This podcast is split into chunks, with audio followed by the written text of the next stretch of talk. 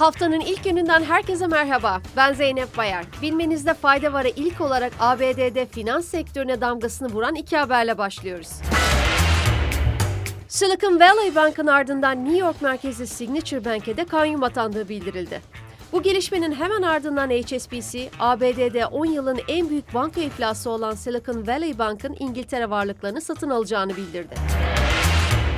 HSBC CEO'su Noel Quinn konu hakkında yaptığı açıklamada söz konusu satın almanın bankanın İngiltere'deki faaliyetleri için mükemmel stratejik bir anlam ifade ettiğini söyledi.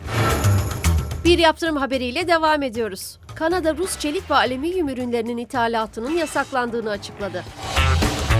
Kanada Dışişleri Bakanı Melanie Joly, yasaklama hakkında yaptığı değerlendirmede alüminyum ve çelik ürünlerini kapsayan yasağın amacının Rusya'nın Ukrayna'ya saldırı yeteneğini zayıflatmak olduğunu vurgulayarak Putin yönetiminden hesap sorulmasını istediklerini dile getirdi. Oscar ödülleri olarak da bilinen ve sinema dünyasının en prestijli ödüllerinden olan 95. Akademi Ödülleri'nin kazananları belli oldu. Gelin kazanan isimlere birlikte bakalım. En iyi film ödülü Everything Everywhere All at Once'a giderken en iyi erkek oyuncu ödülünü The Whale filmiyle Brandon Fraser kazandı. En iyi kadın oyuncu ödülünü ise Everything Everywhere All at Once filmiyle Michelle Yeoh aldı. Yeoh'un aldığı bu ödül ile ilk kez Asya kökenli bir kadın Oscar'da en iyi kadın oyuncu ödülünü alarak tarihe geçti.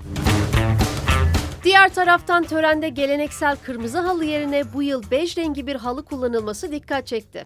Geçen sene canlı yayında sunucu Chris Rock'ı tokatlayarak törenin gündemine damga vuran oyuncu Bill Smith ise seyirciler arasında yer alamadı.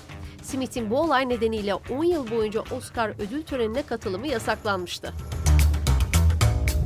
Son haberimiz uzay meraklılarına gelsin. Uzayda gıda üretimi gerçekleştiren NASA Crew 5 157 gün sonra dünyaya döndü.